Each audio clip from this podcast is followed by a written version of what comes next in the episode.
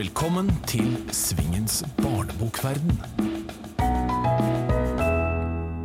Da er Svingens barnebokverden tilbake med en helt ordinær, vanlig episode. Og denne gang er gjestene forfatter Synne Lea og forfatter Taran Bjørnstad.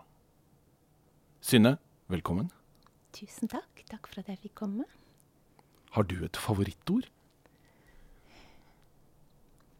Jeg har veldig mange favorittord. Det er helt umulig å velge ut ett. Men uh, ly Ja Ly er et fint ord. Hvorfor akkurat det ordet? Fordi det ligner på andre ord. Og fordi man iblant kan trenge litt ly. Blir det riktig å si at du nesten samler på ord?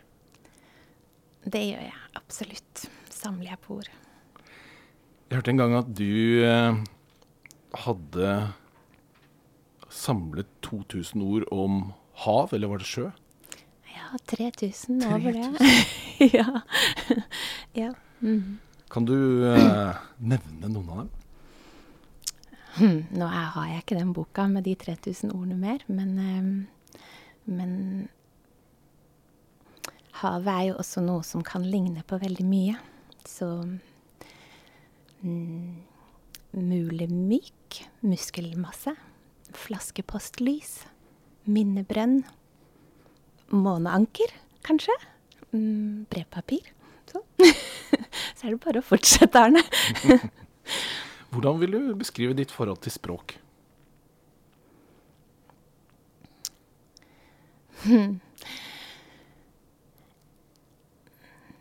Jeg unngikk språk lenge, så mye jeg kunne. Ehm, for jeg syns det var så vanskelig.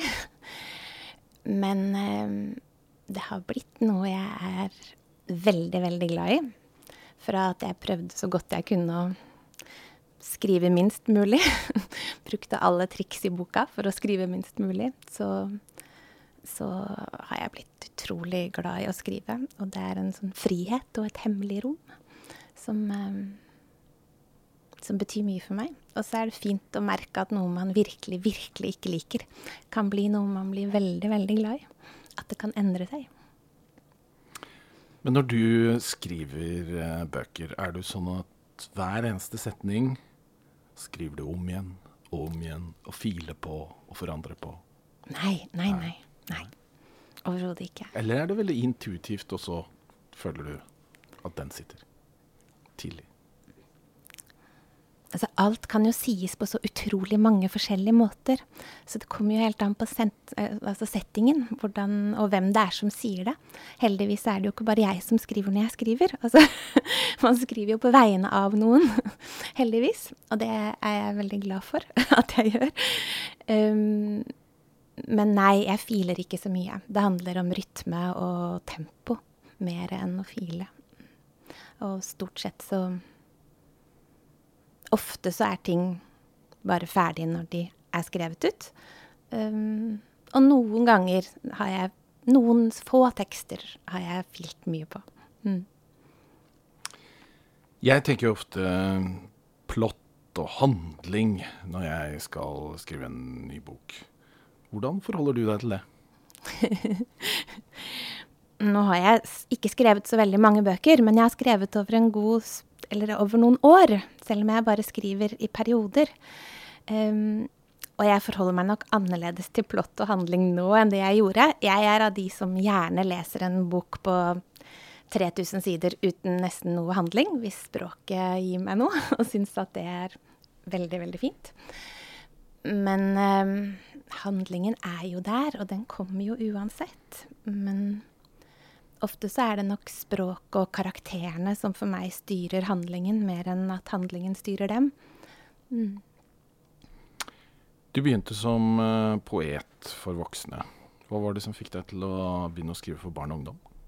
Um, det var noe jeg hadde veldig lyst til. Da jeg debuterte som forfatter, hadde jeg aldri tenkt at jeg skulle bli forfatter. Og jeg, eh, da jeg ga ut den første diktsamlingen min, så tror jeg ikke jeg hadde en, en skrevet linje i skrivebordsskuffen som ikke var utgitt.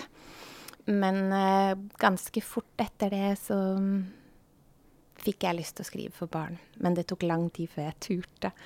Så mm, jeg rett og slett bestemte meg for å ta utdanning for å tørre. for det føles uh, for meg mye vanskeligere Eller det føltes iallfall da mye vanskeligere å skrive for barn og ungdom enn det gjorde å skrive for voksne.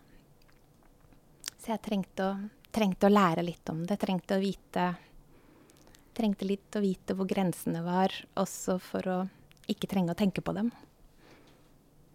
Men nå har det jo også blitt da en ny barnebok, hvor mm. du eh, samarbeider for andre gang med Stian Holaug. Og den heter 'Du og jeg'. Kan du fortelle litt om den? ja, Altså når Stian og jeg skriver sammen, så er det på en måte vår historie. Det er noe som ikke er bare mitt og ikke bare hans, men vi lytter oss inn til noe som, noe som kan være Noe som kan brenne for oss begge.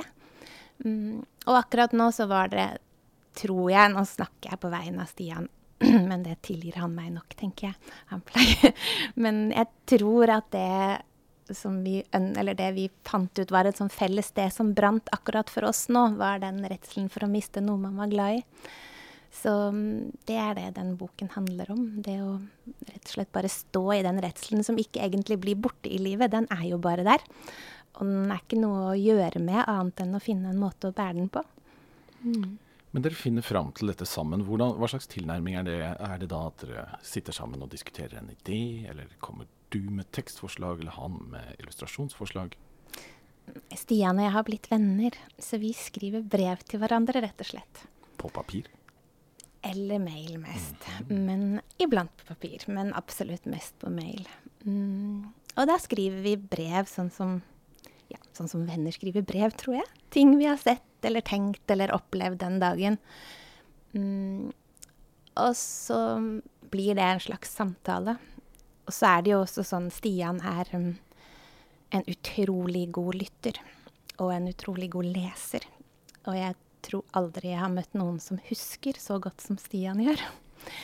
Så jeg vet at jeg, hvis vi bestemmer oss for at nå begynner vi på en bok, så vet jeg at jeg kan i en mail sånn litt uten at det er det vi snakker om, legge fram noen tanker jeg har. Og så er det aldri tilfeldig hvilken av de tankene Stian tar tak i. Så får jeg noe tilbake. Og da gir det meg en retning på at OK, her er det noe som betyr noe for Stian. Og så som, når vi jobber sånn med blanke ark fra starten av, så blir det viktig å finne Det tror jeg vel det er for alle, uansett når man skriver en bok, for det er jo noe som krever litt utholdenhet.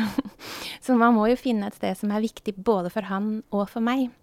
Så det blir nok det som styrer starten av vårt Det er å på en måte finne et et felles sted. Noe som, noe som, brenner litt for oss begge. Og da, da, er det den brevvekslingen og det at jeg vet at jeg slipper å liksom Jeg slipper å spørre Stian skal vi skrive om dette, du? For jeg vet at jeg bare kan skrive om noe jeg har sett, og så vet jeg at det han svarer meg, alltid er, alltid er gjennomtenkt og gir meg en, en følelse av hvor jeg skal gå videre innenfor, innenfor temaet eller innenfor tankene vi har. Men du har beskrevet denne boka som en vanskelig bok å skrive. Hva var vanskelig ved den? Det er den vanskeligste boken jeg har skrevet noen gang. Så dette har vært en av de tekstene jeg har flikka på, i motsetning til, tror jeg, alle andre bøker jeg har skrevet. Um, jeg hadde aldri skrevet bildebok før.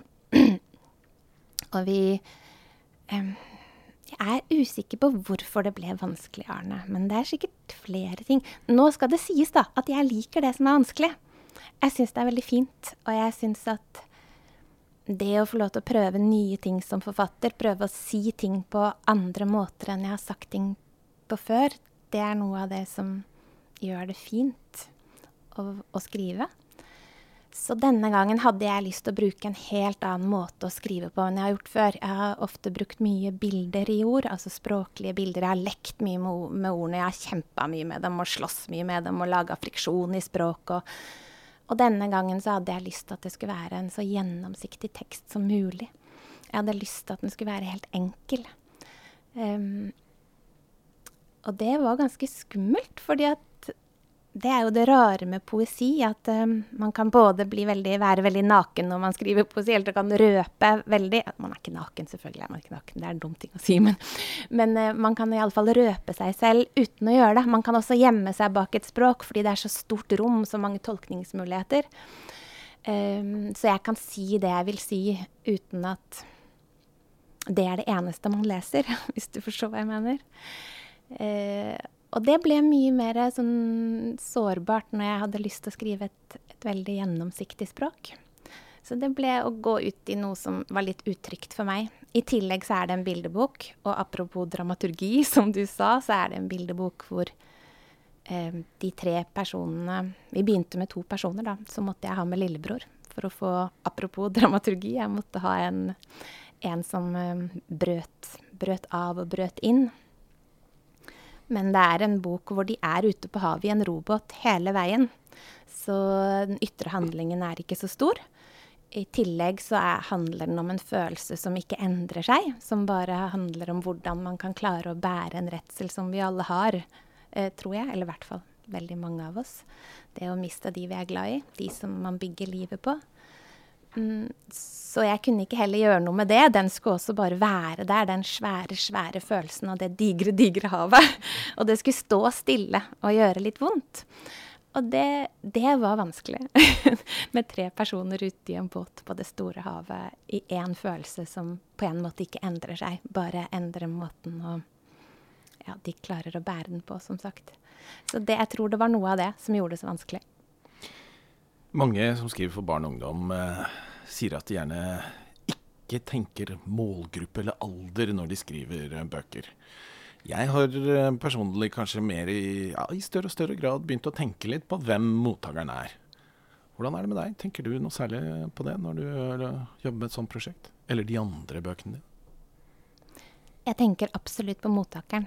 Um, det gjør jeg. Um, men jeg var av de barna som når jeg begynte å lese, så begynte jeg å lese dikt for voksne. Jeg kunne ikke begynne å lese sånn barnelitteratur. Den det var, det, det var ikke der jeg fant mitt sted. Så, så ja, jeg tenker absolutt på mottakeren, men um, Målgruppe er kjempespennende å tenke på, og veldig, veldig vanskelig. Og helt umulig å vite sikkert.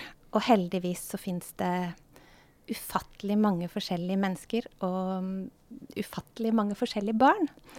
Um, og Stian pleier å si en ting som jeg syns er fint når han sier, for han får så ofte spørsmål om liksom, ja, men tror du at barn får med seg dette? Um, og da pleier han å svare noe om at ja, men tror får, hva tror dere voksne ikke får med seg? Og sånn er det jo. Altså, vi blir, uansett om vi er barn eller voksne, veldig vare på enkelte ting som vi opplever, som vi opplever veldig fort, og som vi tar Som vi leser veldig fort ut av ting vi opplever, fordi vi har en erfaring med det. Og så er det andre ting man ikke får med seg. Og sånn er det for barn og for voksne. Um, så jeg syns det, det er fint å skrive For meg har det med målgruppe med ærlighet å gjøre. Jeg prøver å være så ærlig jeg bare kan når jeg skriver, og tenker at hvis jeg klarer det, så um, håper jeg at jeg når noen. Men det har jo også med selvfølgelig barne- og ungdoms Hvem snakker? Er det et barn som snakker? Er det et barneblikk? Og det har jeg alltid i tankene. Sånn at uh, det, Akkurat det mener jeg er viktig. Fortellerstemmen er viktig. Nå er du heldig som da har uh jobbet med Stian på to bøker. Han er jo en av de eh, illustratørene fra Norge som har gjort det best internasjonalt også de siste årene. Jeg så han nylig i Danmark, hvor han hadde et stort og dedikert publikum som uh, møtte opp for å høre ham fortelle om uh, han, hvordan han jobber. Men hvis du tar uavhengig av han, da. Hva er det du ser etter i en god illustrasjon? Hvis du skal skrive tekst til noe? Det kommer jo veldig an på teksten, og hva jeg har lyst til å si med den teksten.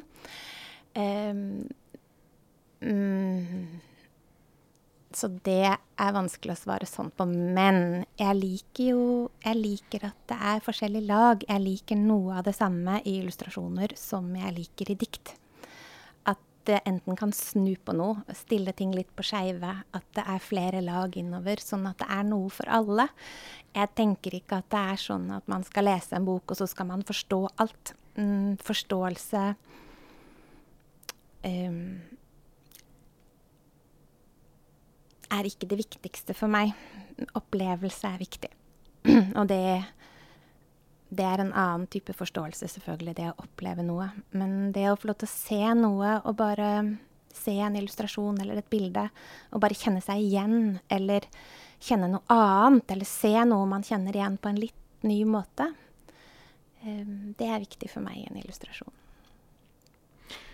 Du nevnte litt at du jobber litt, skal vi si, i rykk og napp, eller i perioder. Mm -hmm. Stemmer det? Ja. Mm -hmm. Men er det også sånn at du jobber med en god del prosjekter da som ikke blir til bøker til slutt? Nei, foreløpig ikke. Nei, det er lite jeg har skrevet som jeg ikke har laget bok av, ja. Mm. Mm. det må være de der 3000 havordene mine, det. Men når du da eh, er i en sånn arbeidsprosess, Mm. Er det da øh, Jobber du konsentrert? Jeg vet jo, du har jo andre ting å gjøre, vi skal komme litt inn på det men, eh, etter hvert. Men du øh, jobber veldig konsentrert med ett prosjekt over relativt kort tid? Eller lang tid? Nei, det kommer helt an på. Mm. Det er uh, Ofte så har det jo vært hvordan livet mitt er ellers, som avgjør liksom sjangeren jeg skriver i. Mm. For dikt kan jeg skrive mens jeg gjør tusen andre ting. Mm eh, roman må jeg ha litt mer tid på. Bildebok måtte jeg ha veldig mye mer tid på. men det var jeg ikke klar over på forhånd.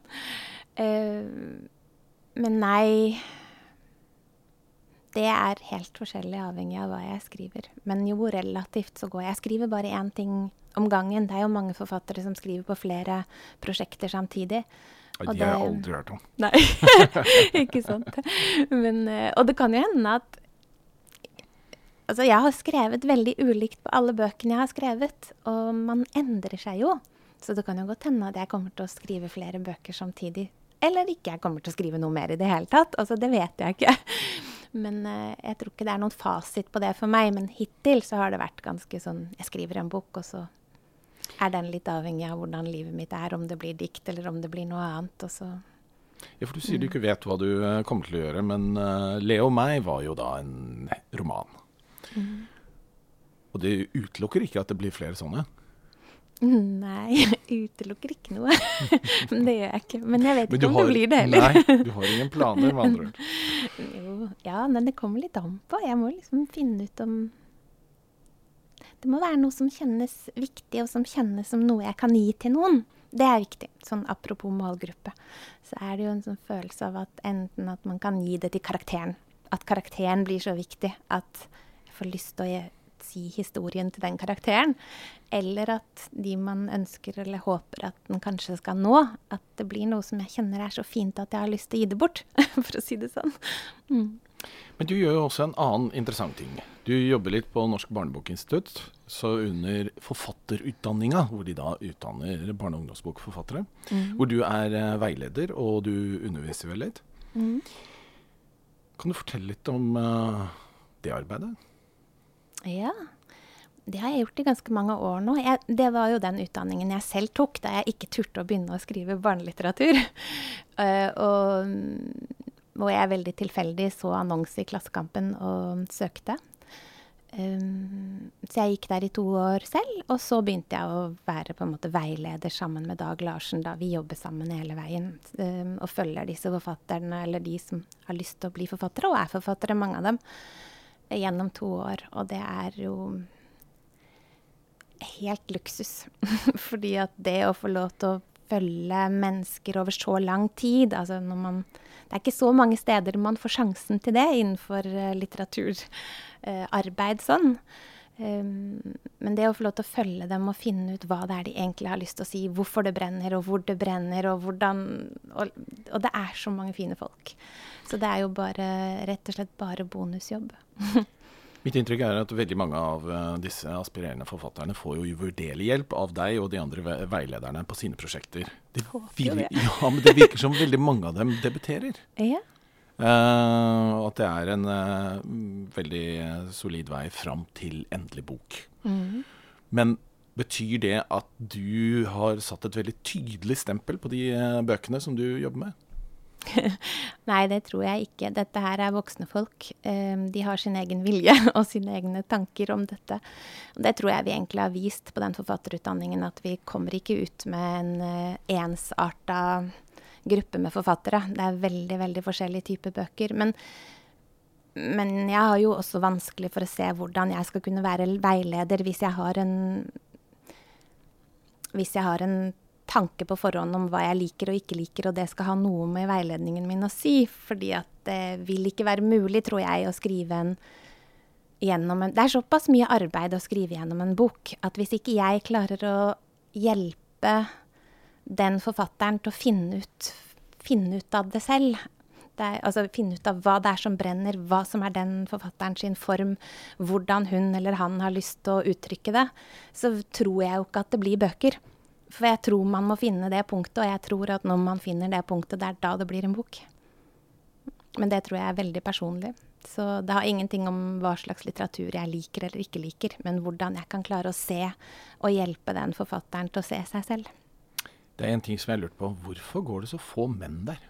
på den utdanninga? Ja, nei, det er ikke like mange menn som søker. Mm. Så det er jo um, det er mange sånne hvorfor-spørsmål man kan ha på mange områder i samfunnet i forhold til uh, sammensetning av kjønn. Men uh, nå er det flere menn der, heldigvis. Uh, men menn eller damer Det er selvfølgelig Det har det hadde vært fint hvis det var 50-50, men det viktigste for meg er folka som er der, uavhengig av kjønn. Så det er veldig, veldig mange flinke folk.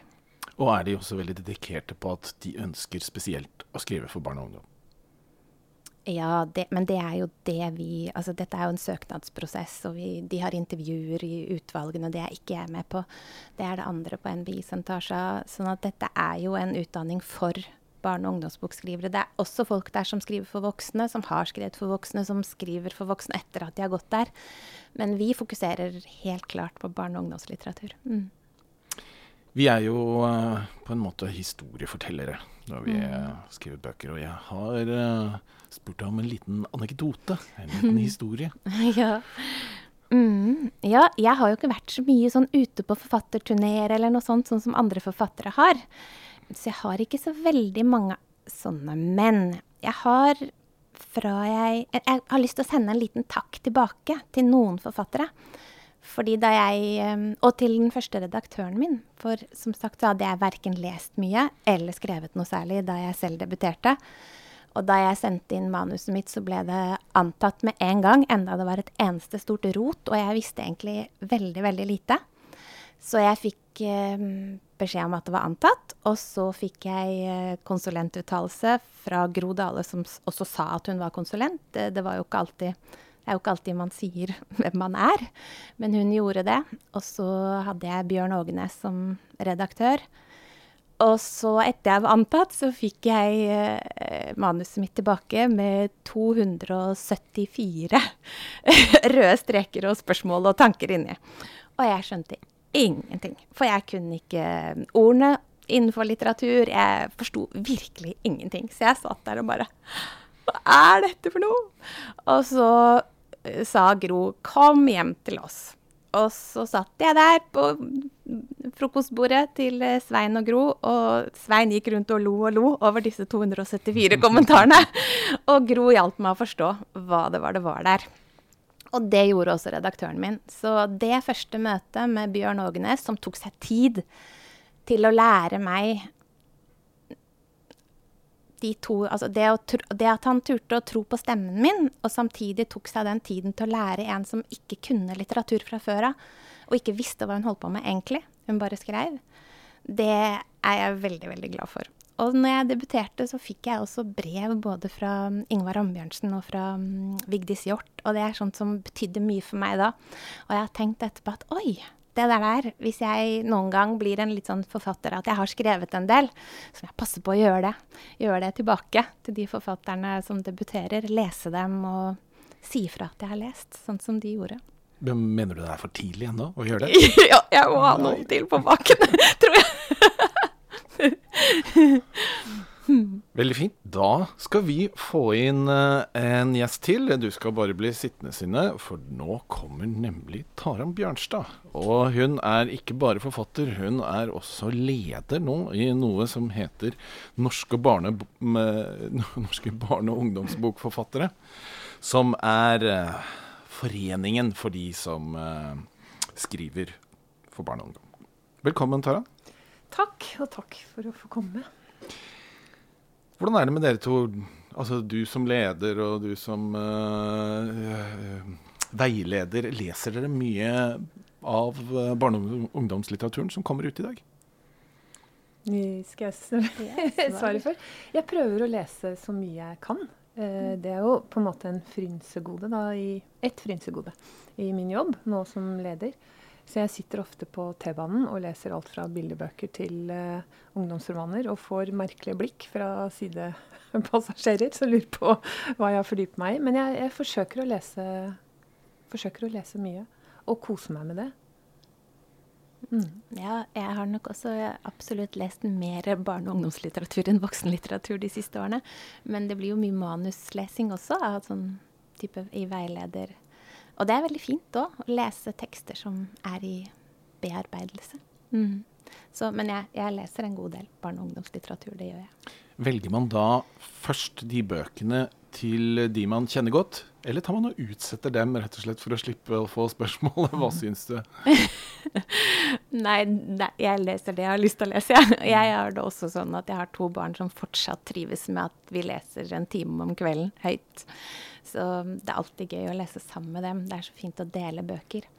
Så det er fast en time hver eneste kveld uansett. Og da er det jo ikke alltid at jeg leser de bøkene som jeg selv ville valgt ut, men, men eh, det kan være bøker de har valgt ut, og som de har lyst til å lese også. Og det er fint. Mm.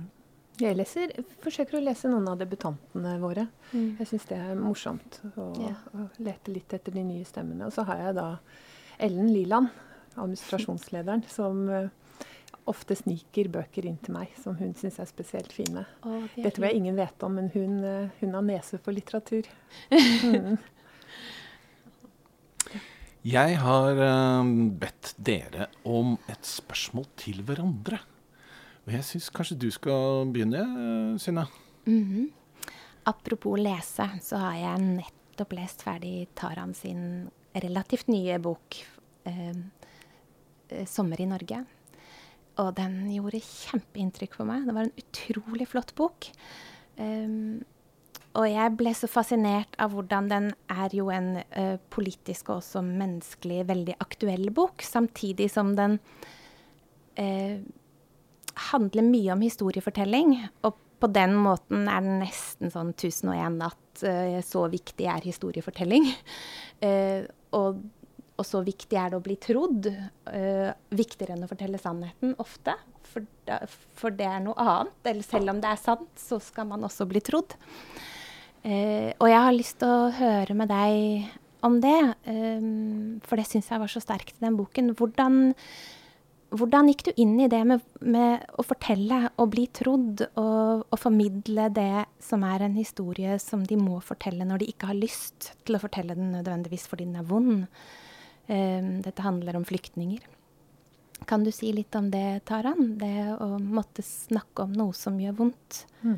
For at andre som har en helt annen bakgrunn for å forstå, skal kunne forstå. Da har de jo på en måte tatt tak i hele kjernen i min roman, da, som handler om Dreier seg rundt troverdigheten av en fortelling. Mm.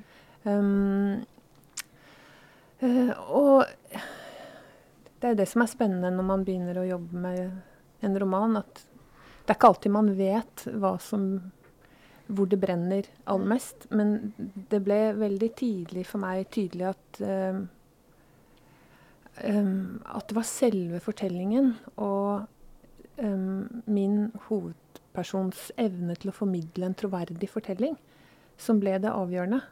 Uh, ikke om den var sann, som du sier, men hennes evne til å formidle den.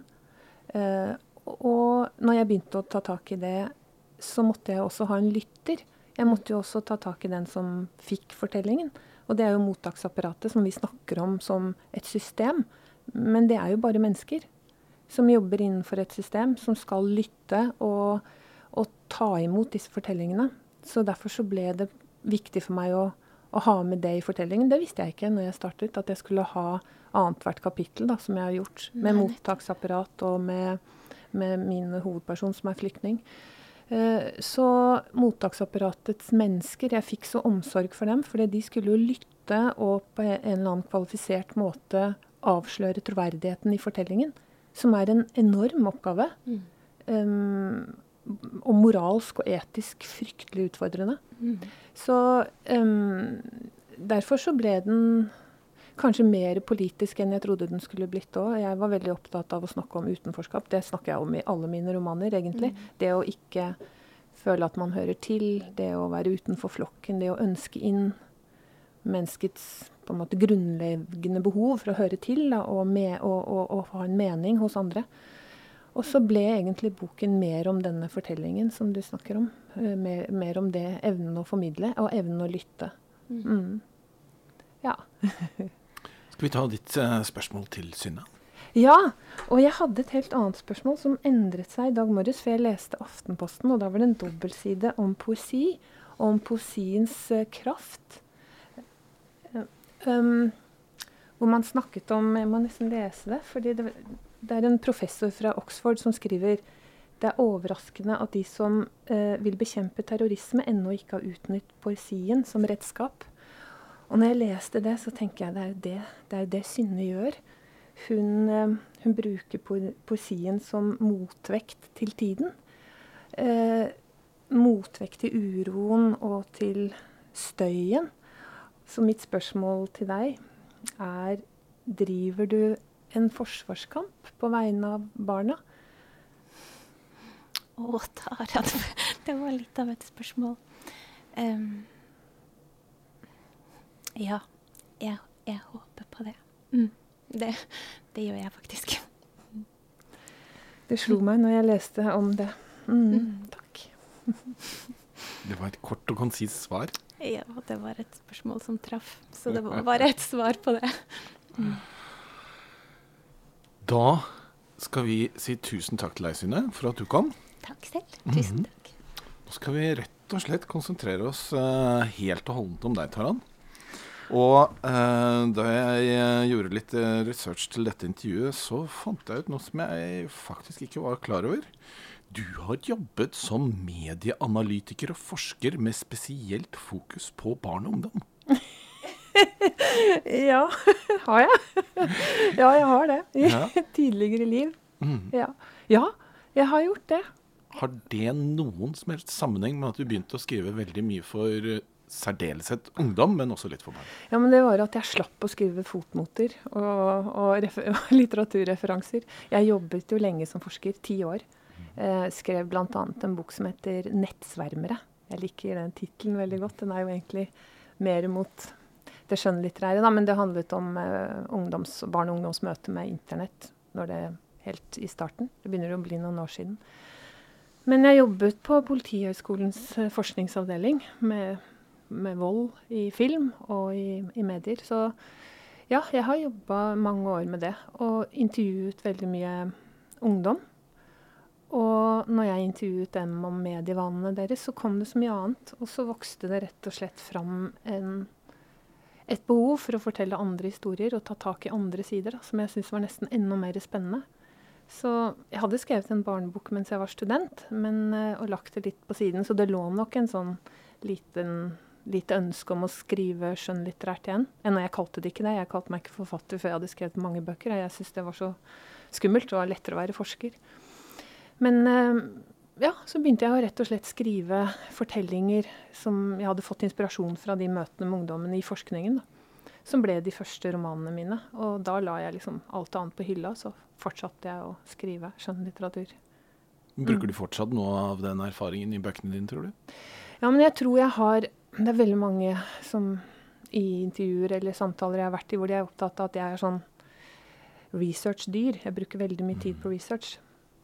Og den, det tror jeg ligger litt sånn i ryggraden min, det der å vite helt sikkert. Så som, som forfatter så har jeg måttet lære meg av å være så opptatt av virkeligheten. Jeg må liksom gjøre researchen, og så prøver jeg å legge den til side. Og bare ha den som en sånn kunnskap som ikke jeg nødvendigvis bruker, bare som gjør meg trygg. Og så forsøker jeg å skrive videre derfra. Men jeg syns det noen ganger er litt frustrerende å kunne ekstremt mye med temaet. Ja. Fordi det er veldig lite av det egentlig som skal inn i ja. en vanlig roman. i hvert fall. Ja, nettopp. Så jeg ofte sitter og tenker at å, det her er jo kjempeinteressant, men ja. hvor skal jeg få plass til det? Ja, ja, ja. Og som regel er jo svaret at du ikke får plass til det. Ja. Og, og det er det som jeg syns er det vanskelige for meg. Det er at jeg blir så jeg blir så opptatt av å vise hvor mye jeg kan. ikke sant? Som er litt av det du sier. Ikke fordi du, du, blir så opptatt av å fortelle fordi det blir viktig for deg, fordi du begynner å lære om det og du ser hvor komplekst det er. Men det har ikke nødvendigvis plass i, i litteraturen. Men det må ligge der nesten som et sånt premiss. Da. Det er når det ikke syns, når researchen ikke syns, føler jeg man har, at man har gjort noe bra. Da. Man har kommet på en måte over den. Hvis, ja. Så mm, det er en sånn, nesten litt sånn svøpe, det å gjøre mye research. På noen områder så må man, sånn som i forhold til sommer i Norge, så måtte jeg jo vite hvordan um, ehm, UDI jobber. Altså hvordan foregår intervjuene med disse uh, asylsøkerne. Hvordan jobber politiet? Og da må du jo inn i det og forstå det. Men så var det det menneskelige jeg skulle ta tak i, så da måtte jeg jo prøve å ikke fortelle så mye om alt det tekniske, selv om det kan være ganske spennende. Så, så en mm. del av researchen var du med på den type intervjuer? Ja. Men du hadde også mye kontakt med uh, folk som akkurat hadde kommet til, ja. til landet ja. Mm, som asylsøkere. Ja. Mm. Og da brukte jeg gutter, for jeg bestemte meg også et godt stykke ut i boken at, at det skulle være en, en jente. Um, og så det meste av researchen jeg gjorde, hvor jeg har hatt kontakt med mennesker som har vært i en ekstrem fluktsituasjon um, Og de situasjonene er faktisk mer ekstreme enn det vi en gang leser i mediene. Det er, det er um, så, så, tenkte jeg jeg må, jeg må forholde meg til menn og gutter, for jeg orket ikke at det skulle være så nære min karakter. Da, fordi jeg ønsket ikke å ta noens historie. Og dette er også veldig private mennesker. Det er private fortellinger. For jenter så handler det veldig ofte om private ting. Det er mye overgrep. Um, så det ble viktig for meg å bruke gutter som fortalte om jenter, så de klarte å fortelle meg historien hennes. Sånn at jeg fikk en avstand til, til de informantene mine, da, som, hvis man skal bruke et sånt forskningsord. Men Blir du noen gang mm. fristet til å tenke at ja, kanskje jeg heller skulle gjort en dokumentarbok? Altså se, Sett om en av dem faktisk har lyst til å fortelle sin uh, historie, kanskje anonymt? Og um, nei, jeg har ikke Jeg har egentlig aldri følt eller tenkt det, for det er, det er en så annen form. Um, jeg syns jo diktningen gjør at Det er som jeg har sagt mange ganger, at hvis man er helt overbevist om hvordan verden henger sammen, så trenger man ikke å skrive skjønnlitteratur. Uh, jeg lurer jo. Jeg lurer jo på om de snakker sant. Jeg lurer på, Og det merket jeg når jeg intervjuet eller satt og samtalte med de òg. Så, så fikk jeg den derre offentlige Norges Jeg følte et sånt ansvar for å avsløre om det de sa var sant eller ikke. Så i boken så ble jeg jo opptatt av å ikke være opptatt av sannhet, men være opptatt av mennesket og menneskebehov. Altså vi har et behov for å høre til og få omsorg og beskyttelse. Og det er det som ble viktig, da. Ikke, ikke å lete etter sannheten i fortellingen. Så jeg, det var enormt lærerikt for meg selv, ikke minst. Så, men nei, jeg har ikke, vært, eh, ikke, hatt lyst til å lage dokumentarer. Men jeg skjønner spørsmålet. Uh, dette er jo ingen dokumentar. det er jo en, jeg, har, jeg, skriver jo om en hest og en fjording, og jeg bruker veldig mye symboler. Da. Jeg har jo en, denne fjordingen tenker jeg er det mest norske jeg kunne finne. Jeg ønsket å finne et sånn rent norsk symbol. Og han heter jo også Odin. som en gruppe mennesker i Norge bruker. Og som handler ikke nødvendigvis om å være veldig inkluderende. Så, og denne hesten står jo også innenfor et strømgjerde, så det er mye symboler som er brukt. Ja, jeg har lekt med mye symboler i boka da, som ikke har noe med dokumentar å gjøre. Mm. Men de lette temaene, det er ikke noe for deg? Du går ofte inn Nei, men det kommer. det kommer? ja, ja, jeg håper det. Har du fått nok av de store og viktige? Ja, jeg syns jeg uh, hørte på sinnet med det med å lage en vanskelig bok. Uh, dette har vært en vanskelig bok, for jeg har følt så enormt ansvar. Enormt stort ansvar for de menneskene som jeg på en måte låner stemmen til, da. Ja. Um, men, men, jeg er ikke så veldig morsom som person. Så jeg tror jeg, jeg klarer ikke å skrive humoristisk. er veldig vanskelig for meg. Jeg kan godt le av andre. Jeg syns andre kan være veldig morsomme. Men jeg er ikke så morsom selv. Så jeg tror ikke jeg klarer å skrive veldig sånn morsomme ting. Jeg liker Jeg er liksom mer der det er melankolsk, kanskje. Ja. Og da blir det jo litt alvor, da. Men apropos vanskelige ting. Eh, du skriver jo mest ungdomsbøker. Mm. Og det er jo et uh, vanskelig publikum, for ja. de leser jo ikke så mye. Nei. Hvorfor har du valgt uh, ungdomsboka? Nei, det vet jeg ikke. Jeg havner der hver gang. Uh, 'Sommer i Norge' og 'Picasso-kvinnen' også. Det er jo egentlig crossover-bøker. Det er egentlig bøker som henvender seg til voksne også. I 'Sommer i Norge' så er jo halvparten av, av på en måte boken om voksne mennesker. De som jobber i systemet, da. Uh, så det er en ung voksenroman. Jeg vet ikke Arne, hvorfor jeg havner der igjen og igjen. Um, jeg tenkte på den spørsmålet du hadde til uh, Synne tidligere om, om jeg tenker på målgruppen, og det gjør jeg uh, ikke. Jeg tenker alltid på leseren, men ikke som en alder. Um, så jeg vet ikke hvorfor jeg havner der. Jeg vet, rett og slett. Det er ikke noe lurt. Det er for crossover, sier du, og det er jo et, en vanskelig sjanger i Norge. Det virker som det er ja. visse andre land hvor ja. man klarer å nå ja. bredere ut. Men så fort mm. bøkene blir plassert mm. i ungdomshylla mm. her, mm. så ekskluderer man kanskje størstedelen av publikummet som burde lest boka. Ja, og jeg, jeg, ser på en del av bøkene dine også, som jeg syns på en måte går oppover, og som er egentlig allmennlitteratur. Uh, det er ikke sånn at det er uvesentlig eller uviktig for voksne lesere å lese om unge lesere. Tvert imot så tenker jeg at det ligger Når jeg leser jeg kan lese bildebøker eller ungdomsbøker, og jeg kjenner at det er strenger som har ligget stille i meg lenge, som på en måte settes i bevegelse. Da, for man, man, har jo vært der. Eh, og flere av oss har jo barn som er der nå. Eh, jeg har bodd åtte år til sammen i England, og der er litteraturen mindre opptatt av å uh, å være i disse aldersbåsene. Jeg opplever at når du går inn i en bokhandel der, så får du F.eks. ung voksen ligger veldig ofte sammen med voksenskjønnbøker. Det er ikke noe forskjell på hvordan det eh, presenteres i, i bokhandelen. I Norge så er nesten litt sånn anale på at dette her skal i, i kategorier. Og det tror jeg står i veien for litteraturen. Jeg skulle ønske vi, vi, vi kom oss litt bort fra det. Og, det. og ikke minst at vi går glipp av mye god litteratur. Så du sier at det er bokhandelen, og kanskje da til dels forlagene, som eh, står i veien for uh, Altså, det er, den, det er en måte å tenke på. Uh, det er jo ikke vond vilje, fordi alle vil jo selge mest mulig.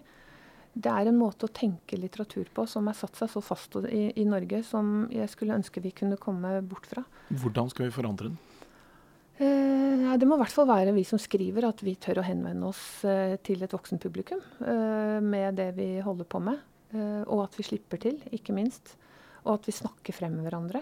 Hverandres bøker leser hverandres bøker og får, viser at de er aktuelle, rett og slett, for, uh, for voksne lesere også. Mm. Men i forhold til eh, leseren, er det på en måte viktig for deg at de oppnår en ny bevissthet rundt de temaene du, du tar opp? Mm, tenker du sånn i forhold til at det er en politisk bok, eller Ja, altså, jeg ønsker at jeg tenker at litteraturens største oppgave er å underliggjøre. Rett og slett å åpne opp og, og, og få folk til å undre seg. Eh, hvis vi ønsker å overbevise, så kan man jo skrive en kronikk eller en artikkel. Det er jo ikke der vi vil være. Vi ønsker jo å åpne opp. Og, og åpne opp for forståelse og empati, ikke minst. Det, det er der liksom styrken til litteraturen ligger. Men det er vanskelig. Og det er mye å håpe på, og det er mye å be om. Du har jo ikke bare gjort eh, ungdomsbøker, du har jo også gjort 'Krokodilletyven'. Ja. som er for barn. Kan du fortelle hvorfor eh, du da plutselig gikk litt ned i hodet? Ja, Nei, vet du hva, Det var etter at jeg hadde skrevet 'Picasso-kvinnen', som handler om også et alvorlig tema. Det å handler om synlig annerledeshet og den Det å være ha et utseende da, som er avvikende, som gjør at du blir isolert. Eh, det var også et ganske tøft tema å skrive om. Og da hadde jeg behov for å forsøke å være litt mer leken. Uh, så hadde jeg den ideen fordi jeg hørte på nyhetene at en krokodille var stjålet fra akvariet i Bergen, og det syns jeg var veldig morsomt. Jeg så for meg denne tyven med en sånn sprellende, sinna krokodille under armen. Så det var jo rett og slett en sånn liten god idé som lå der og, og, og koste seg. Så begynte jeg å skrive den, og så var det en sånn medstrømsbok. Det har sikkert alle som skriver, følt. Noen, noen bøker ligger der og er klare. Det var en medstrømsbok. Jeg har aldri skrevet så fort som den. Jeg bruker egentlig veldig lang tid på alt jeg gjør eh, litterært. Men den, eh, den ville seg. Ja. Og det var gøy. Og der er det kanskje litt humor, til og med. ja. Du har, du har prøvd det ut, og folk har ledd? Ja, folk har ledd litt. Mm. Ja. ja. Se det. Du skal ikke gi opp den humoren, skjønner du. Men uh, for å snakke om noe som også er litt alvorlig, så er du jo Du er jo leder i NBU, som er jo da Norske barne- og ungdomsbokforfattere. Mm, mm. Og hvordan er det å overleve som forfatter i Norge i dag? Åh, oh, Det var et stort spørsmål, Arne. Det kan jo egentlig du svare på. ja, men nå er det du som har ja. fått lederoppgaven, ja. og da er det jo et typisk spørsmål ja. man stiller til dem. Um, jeg tenker sånn, for å gå et skritt tilbake um, NBU er jo altså Foreningen for barne- og ungdomsforfatterne i Norge, en forfatterforening. Og vår oppgave er å ivareta de økonomiske og de faglige interessene. Så det er liksom todelt. Å ta vare på de økonomiske interessene for oss, det handler rett og slett om det litterære systemet vårt, som er helt unik i verdenssammenheng. Vi er et bitte lite språkområde. Uh, og vi har ordning som gjør at det gis ut enormt mye litteratur. Og, og mye i bredden pga. innkjøpsordningen, ikke minst. Um, så mye syns jeg Nå har jeg bare vært leder i åtte-ni måneder. Det har vært bratt uh, læringskurve. Men veldig mye av arbeidet vårt er å drive forsvarskamp, rett og slett. Og ivareta og passe på de ordningene. Og samtidig så må man se fremover og tenke hvordan skal vi utvikle oss, og hvordan vil dette se ut om fem år og ti år og 15 år? Eh, som er uh, utfordrende. Vi vet jo ikke om vi vil ha de gode ordningene til evig og alltid, og vi vet ikke om de er gode nok. Så jeg synes sånn politisk sett så er dette her uh, vanskelig. Men, men, det er mye felles god vilje at man ønsker litteratur. Og hvis man ser på hva som har skjedd de siste ti årene, så er norsk barne- og ungdomslitteratur inne i en gullalder. Det skrives og leses og lånes og selges og eksporteres mer enn noen gang. Og det må vi også være ordentlig stolt av. Og det handler også om politisk vilje. Det er ikke bare at vi er knallgode forfattere i Norge, som, som vi jo er, eller det er mange. mange men det handler også om politisk vilje, som vi må anerkjenne og, og, og, verne om, rett og slett. Så det handler mye om det, å verne om de gode ordningene vi har, og, og løfte blikket og se hvordan vil det se ut fremover. La oss tenke oss til at det er en uh, gutt eller jente som er uh, ja, 19-20 år og har uh, veldig lyst til å bli forfatter. Og tenker at jeg får gå på kanskje en forfatterutdanning mm, og mm. gå den veien. Uh, og dette har jeg virkelig lyst til å leve av. Jeg tar mm. ingen annen utdannelse. Er dette jeg mm. sikter, sikter, meg helt og holdent inn på. Vil du råde vedkommende til å gjøre det? Og da ville jeg sagt at du må være innstilt på å ha noen uh, ekstrajobber, i hvert fall. jeg tror, Sånn vil det jo være med alt uh, kunst. Men jeg liker jo også at folk kommer og sier at jeg har ikke noe plan B. Det er bare plan A. Og jeg tror at hvis du hvis du skal hvis du skal livnære deg, eller hvis du skal håpe om å nå igjennom med kunsten din, for ikke å snakke om økonomi, så må det være det som brenner for deg. Du må være villig til å gi avkall på veldig mye annet. Og jeg møter utrolig mye forfattere som er villige til det. Altså som lever et, på et ganske stramt budsjett fordi de ønsker å skrive. Det er det de vil gjøre. Um, så jeg skulle jo ønske vi hadde ordninger som var enda bedre. Samtidig så er det kanskje ikke helt reelt å tenke at vi kan få det til sånn at man kan leve godt av å skrive barnebøker i Norge, for vi er så få. Da må man kunne eksportere mye. Det er vanskelig, dette her. Men eh, du må virkelig ville skrive for å Ville jeg sagt til han. Og du må være villig til å jobbe, ha noen ekstra jobber. Som leder av denne foreningen, vil du si at det er eh, god solidaritet blant norske barne- og ungdomsbokforfattere? Ja, det vil jeg si. Ikke minst. Vi har jo et Hele systemet vårt er jo basert på en sånn kollektiv tanke. ikke sant? Med, med hele royalty-grunnlaget vårt er jo likt. Ikke grunnlaget, men utregningen. I, om du selger masse masse bøker, eller om du selger noen få. Uh, vi har innkjøpsordningen som tilrettelegger for bredde. Og jeg syns også det er en utrolig omsorg og kollektiv eh, god kollektiv følelse hos forfatterne, i hvert fall i NBU. Og eh, vi får jo veldig mange som ringer til oss som ikke er medlemmer, og som ønsker å komme inn. Og det er fordi de føler at dette er et kollegie de ønsker å være en del av. Og det er viktig. Så ja, jeg vil svare ja på det spørsmålet. Fins det én eller to ting som du ser er, kommer til å være den, de aller største utfordringene for, for, norske forfattere i årene som kommer? Um, ja, å, det er mange, men hvis jeg skulle valgt ut én eh, først, så tenker jeg at, digital, altså, så tenker jeg at eh, digitalisering er både en utfordring, men må bli, vi må også klare å se på den som en, en, en mulighet. Eh, og så har du kunstig intelligens. Jeg bodde i London siste året, så kom det bøker hvor du kunne plotte inn navnet på barnet ditt og kosedyrene og kjæledyrene og navnet på foreldre. Og så kom det en bok i posten som var skreddersydd av barnet, som var skrevet på en datamaskin. Det kommer mer og mer lettlestbøker som går på ordtelling og lesenivå. Så ja, det er, det er mye store utfordringer foran oss. Tør du spå hvordan folk leser bøker om eh, ti år? Og da tenker jeg å gå tilbake til det du har snakket med Synne om, at de sterke fortellingene, poesien og det narrative, det handler om følelser. Og det vil alltid være behov for gode, sterke fortellinger. Men det kan hende det er nye flater.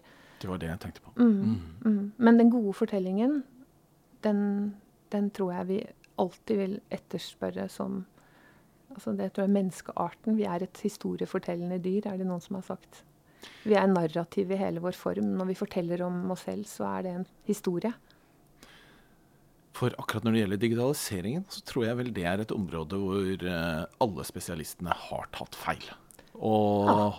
her er det veldig vanskelig å forutsi ja. hvordan uh, lesningen og på hvilke mm. flater man kommer til å gjøre ja. det i framtida. Ja.